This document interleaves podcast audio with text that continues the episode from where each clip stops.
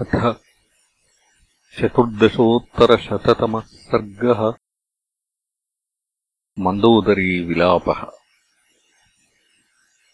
विभीषणेन रावणसंस्कारः। तासाम् विलपमानानाम् तथा राक्षसयोषिताम् ज्येष्ठापत्नी प्रिया दीना भर्तारम् समुदैक्षत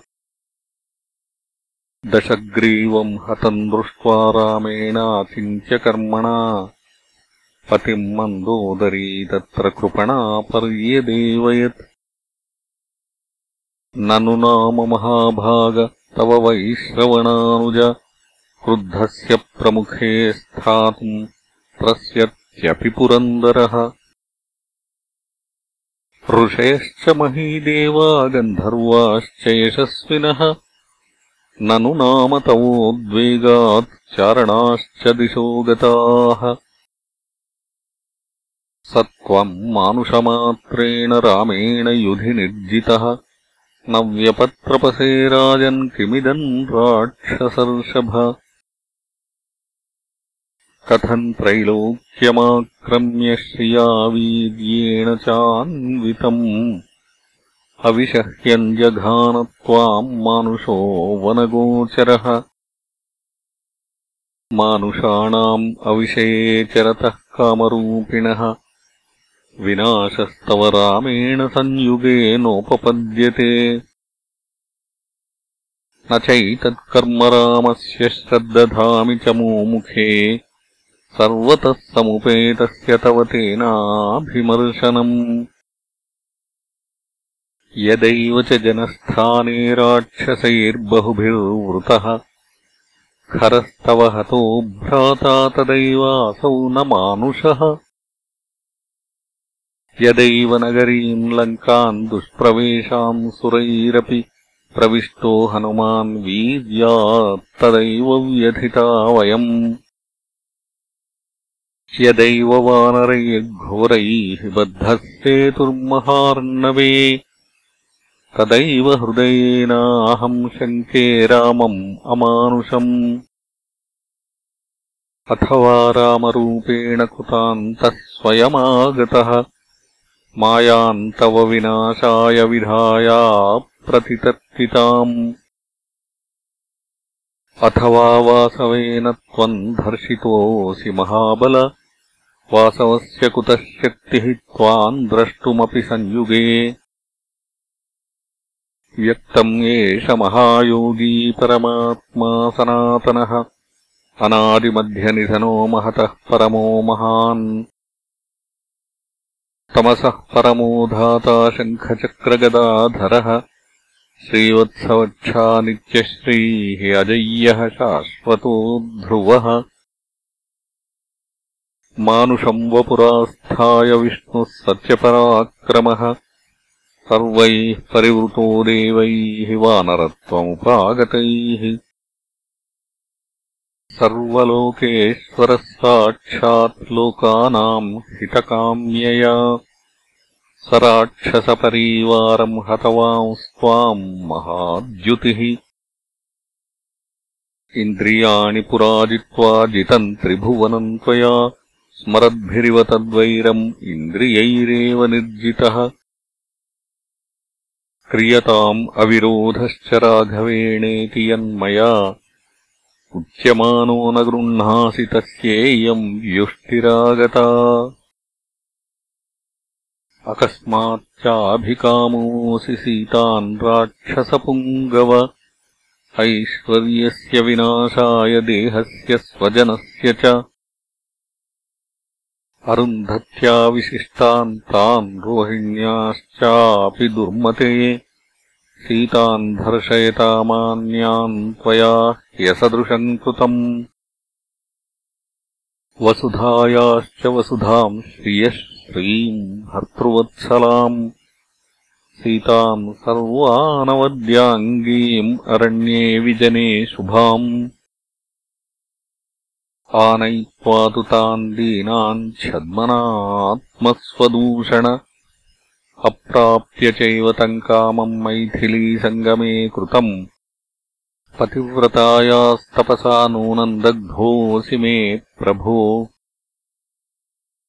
तदैव यन्न दग्धस्त्वम् तनुमध्यमाम् देवा बिभ्यति ते सर्वे सेन्द्राः साग्निपुरोगमाः। अवश्यमेव लभते फलम् पापस्य कर्मणः। घोरम् पर्यागते काले कर्ता नास्त्यत्र संशयः। शुभकृच्छुभमाप्नोति पापकृत्पापमश्नुते विभीषणः सुखम् प्राप्तः त्वम् प्राप्तः पापमीदृशम् सन्त्यन्याः प्रमदास्तुभ्यम् रूपेणाभ्यधिकास्ततः। अनङ्गवशमापन्नः त्वम् तु मोहान्न बुध्यसे। न कुलेन न रूपेण न दाक्षिण्येन मैथिली। मयाधिका वा तुल्या वा त्वम् तु मोहान्न बुध्यसे सर्वधा सर्वभूतानाम् नास्ति मृत्युरलक्षणः तव तावदयम् मृत्युः मैथिलीकृतलक्षणः। सीतानिमित्तजो मृत्युः त्वया दूरादुपाहृतः। मैथिली सह रामेण विशोका विहरिष्यति। अल्पपुण्यात्वहम् घोरे पतिता शोकसागरे कैलासे मन्दरे मेरौ तथा चैत्ररथे वने देवोद्यानेषु सर्वेषु विहृत्यसहिता त्वया। विमानेनानुरूपेण याम्यतुलया श्रिया पश्यन्ती विविधान् देशान्तांस्तांश्चित्रस्रगम्बरा। भ्रंशिता कामभोगेभ्यः सास्मि वीरवधात्तव सैवान्येवास्मि संवृत्ताधिग्राज्ञाम् चञ्चलाः श्रियः हा राजन् सुकुमारम् ते सुभ्रु सुत्वत्समुन्नसम् कान्तिश्रीद्युतिभिस्तुल्यम् इन्दुपद्मदिवाकरैः किरीटकूटोज्ज्वलितम् ताम्रास्त्यम् दीप्तकुण्डलम् मदव्याकुललोलाक्षम् भूत्वा यत्पानभूमिषु विविधस्रग्धरम् चारुवल्गुस्मितकथम् शुभम् तदेवाद्यतवेदम् हि वक्त्रम् न भ्राजते प्रभो रामसायकनिर्भिन्नम् सिक्तम् रुधिरविस्रवैः विशीर्णमेदो मस्तिष्कम् रूक्षम् स्यन्दनरेणुभिः। हा पश्चिमा मे सम्प्राप्ता दशा वैधव्यकारिणी त्या मयासीन्न सम्बुद्धा कदाचिदपि मन्दया। पिता दानवराजो मे भर्ता मे राक्षसेश्वरः पुत्रो मे शक्रनिर्जेता इत्येवम् गर्विता भृशम्। दृप्तारिमर्दनाः शूराः प्रख्यातबलपौरुषाः अकुतश्चिद्भयानाथा ममेत्यासीन्मतिर्दृढा तेषामेवम् प्रभावानाम् युष्माकम् राक्षसर्षभ। कथम् भयमसम्बुद्धम् मानुषादिदमागतम्। स्निग्धेन्द्रनीलनीलम् तु प्रांशुशैलोपमम् महत्। केयूराङ्गदवैडूर्यमुक्तादामस्रगुज्ज्वलम् कान्तम् विहारेष्वधिकम् दीप्तम् सङ्ग्रामभूमिषु। भात्याभरणभाभिर्यत् विद्युद्भिरिवतो यदः। तदेवाद्यशरीरम् ते तीक्ष्णैर्नैकैः शरैश्चितम्। पुनर्दुर्लभसंस्पर्शम् परिष्वक्तुम् न शक्यते स्वाविदश्चललैर्यद्वत् बाणैर्लग्नैर्निरन्तरम् स्वर्पितैर्मर्मसु भृशम् सञ्छिन्नस्नायुबन्धनम् क्षितौ निपतितम् राजन् श्यावन् रुधिरसच्छवि वज्रप्रहाराभिहतो विकीर्णैव पर्वतः हा स्वप्नः सत्यमेवेदम् त्वम् रामेण कथम् हतः। त्वम् मृत्योरपि मृत्युः स्याः। कथम् मृत्युवशम् गतः त्रैलोक्यवसुभोक्तारम् त्रैलोक्योद्वेगदम् महत्। जेतारम् लोकपालानाम् क्षेप्तारम् शङ्करस्य च दृप्तानाम् निग्रहीतारम् आविष्कृतपराक्रमम् लोकक्षोभयितारम् च नादैर्भूतविराविणम् ओजसा दृप्तवाक्यानाम् वक्तारम् रिपुसन्निधौ स्वयूथभृत्यवर्गाणाम् गोप्तारम् भीमकर्मणाम् हन्तारम् दानवेन्द्राणाम् यक्षाणाम् च सहस्रशः। निवातकवचानाम् च सङ्ग्रहीतारमीश्वरम्। नैकयज्ञविलोप्तारम् त्रातारम् स्वजनस्य च।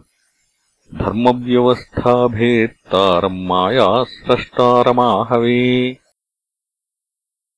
देवासुरनृकन्यानाम् आहर्तारम् ततस्ततः शत्रुस्त्रीशोकदातारम् नेतारम् स्वजनस्य च। लङ्काद्वीपस्य गोप्तारम् कर्तारम् भीमकर्मणाम् अस्माकम् कामभोगानाम् दातारम् रथिनाम् वरम्। एवम् प्रभावम् भर्तारम् दृष्ट्वा रामेण पातितम् स्थिरास्मि या देहमिमम् धारयामि हतप्रिया शयनेषु महार्हेषु शयित्वा राक्षसेश्वर इह कस्मात्प्रसुप्तोऽसि धरण्यान् रेणुपाटलः। यदा मे तनयः शस्तो लक्ष्मणेनेन्द्रजिद्युधि तदास्म्यभिहता तीव्रम् अद्य त्वस्मिन्निपातिता नाहम् बन्धुजनैर्हीना हीनानाथेन तु त्वया। विहीना कामभोगैश्च शोचिष्ये शाश्वतीः समाः। प्रपन्नो दीर्घमध्वानम् राजन्नद्यासि दुर्गमम् नय मामपि दुःखार्तान् न जीविष्ये त्वया विना कस्मात्त्वहम् माम् विहाये कृपणाम् गन्तुमिच्छसि दीनाम् विरपितैर्मन्दाम् किम् वा माम् नाभिभाषसे। कस्मात् त्वम् माम् विहायेह कृपणाम् गन्तुमिच्छसि निर्गतान्नगरद्वारात्पद्भ्यामेवागताम् प्रभो पश्येष्टदारदारांस्ते भ्रष्टलज्जावकुण्ठितान् बहिर्निष्पतितान् सर्वान् कथम् दृष्ट्वा न कुप्यसि। अयम् क्रीडासहायस्तेनाथ लालप्यते जनः। न चैनमाश्वासयसे किम् वा न बहुमन्यसे। यास्त्वया विधवा राजन्कृतानैकाः कुलस्त्रियः पतिव्रता धर्मपराः गुरुशुश्रूषणे रताः ताभिः शोकाभितप्ताभिः शप्तः परवशम् गतः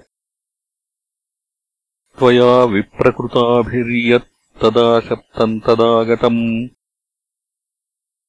प्रवादः सत्य एवायम् त्वाम् प्रतिप्रायशो नृप पतिव्रतानाम् नाकस्मात् पतन्त्यश्रूणि भूतले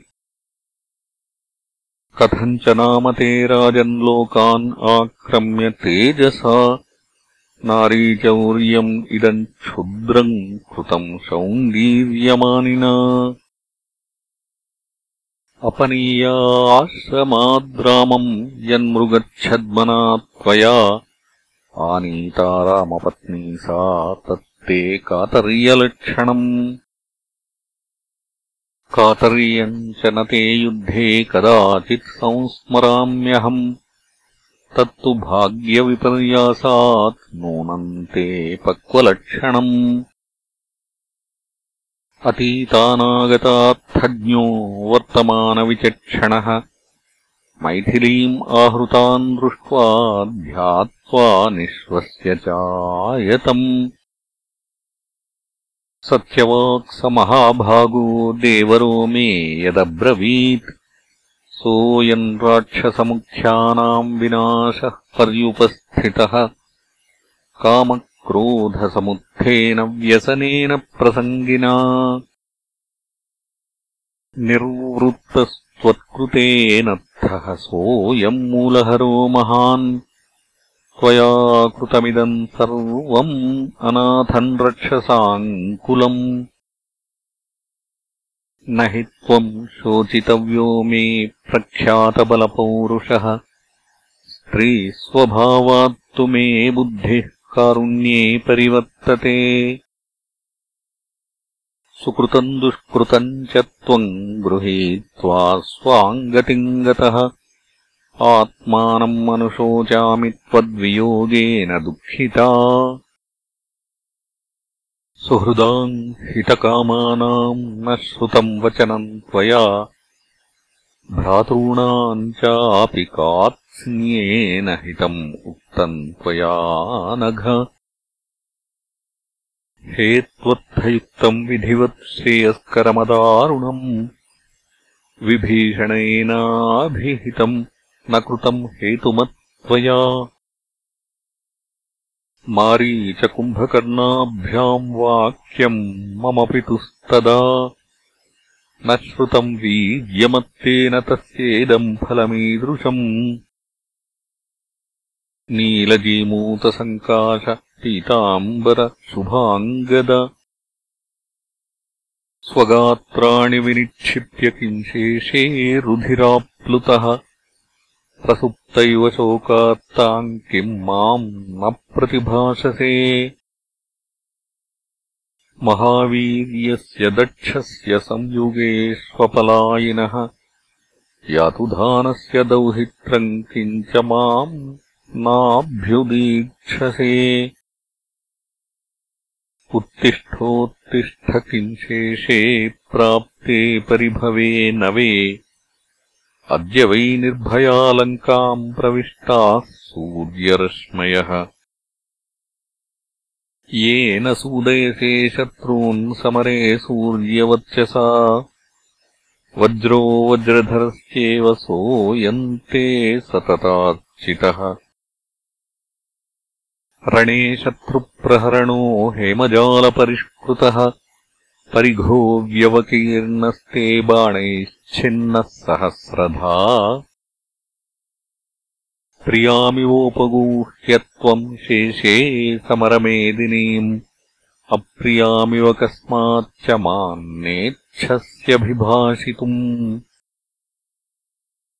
धिगस्तु हृदयम् यस्या ममेदम् न सहस्रधा त्वयि पञ्चत्वमापन्ने फलते शोकपीडितम्।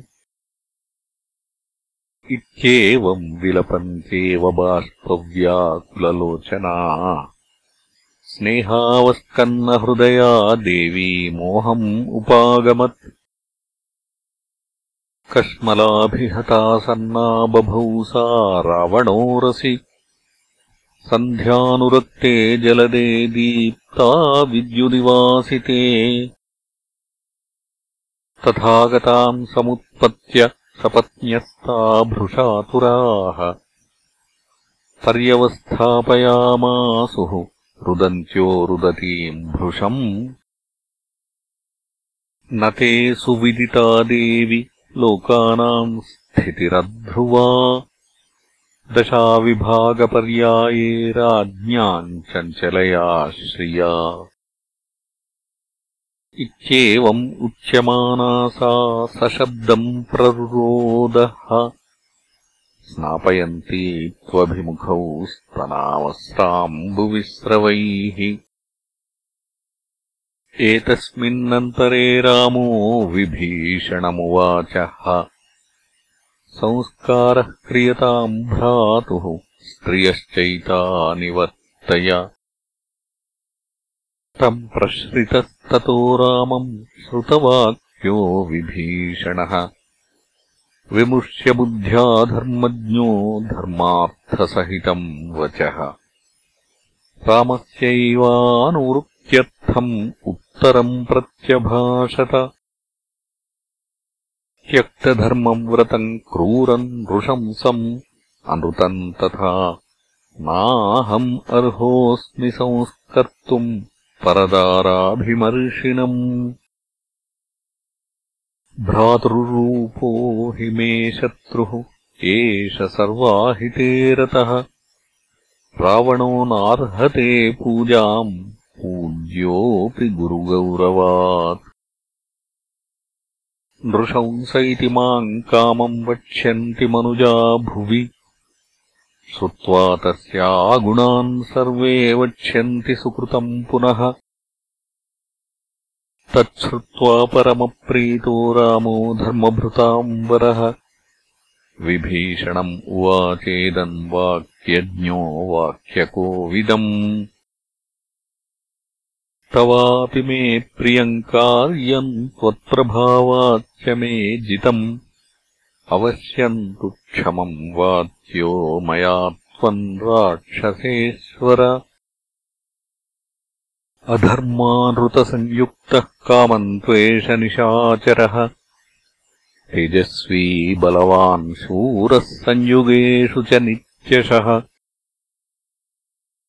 शतक्रतुमुखैर्देवैः श्रूयते न पराजितः महात्मा बलसम्पन्नो रावणो लोकरावणः। मरणान्तानि वैराणि निर्वृत्तम् नः प्रयोजनम्। क्रियताम् अस्य संस्कारो ममाप्येष यथा तव। त्वत्सकाशाद्दशग्रीवः संस्कारम् विधिपूर्वकम् प्राप्तुम् अर्हति धर्मज्ञ त्वम् यशोभाग्भविष्यसि। राघवस्य वचः श्रुत्वा त्वरमाणो विभीषणः संस्कारेणानुरूपेण योजयामास रावणम्।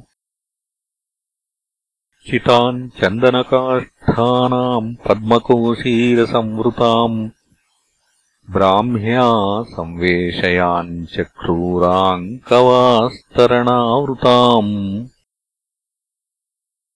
वर्तते वेदविहितो राज्ञो वै पश्चिमः क्रतुः। प्रचक्रूराक्षसेन्द्रस्य पितृमेधम् अनुक्रमम्। वेदिम् च दक्षिणप्राच्याम् यथास्थानम् च पावकम् पृषदाज्येन सम्पूर्णम् स्रुवम् सर्वे प्रचिक्षिपुः पादयोः शकटम् प्रादुः अन्तरूर्वोरुलूखलम्। दारुपात्राणि सर्वाणि अरणिम् चोत्तरारणिम् दत्त्वा तु मुसलम् चान्यत् यथास्थानम् विचक्षणाः शास्त्रदृष्टेन विधिना महर्षिविहितेन च।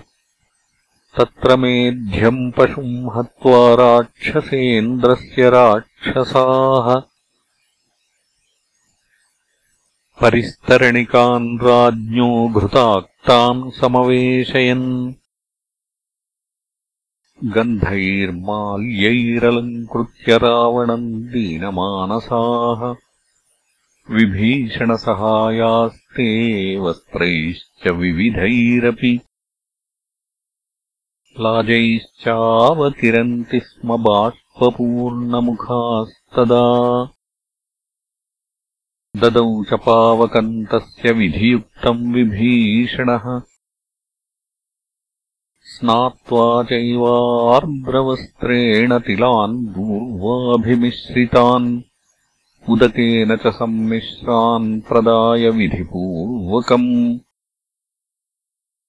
प्रदाय चोदकम् तस्मै मूर्ध्ना चैनम् नमस्य च।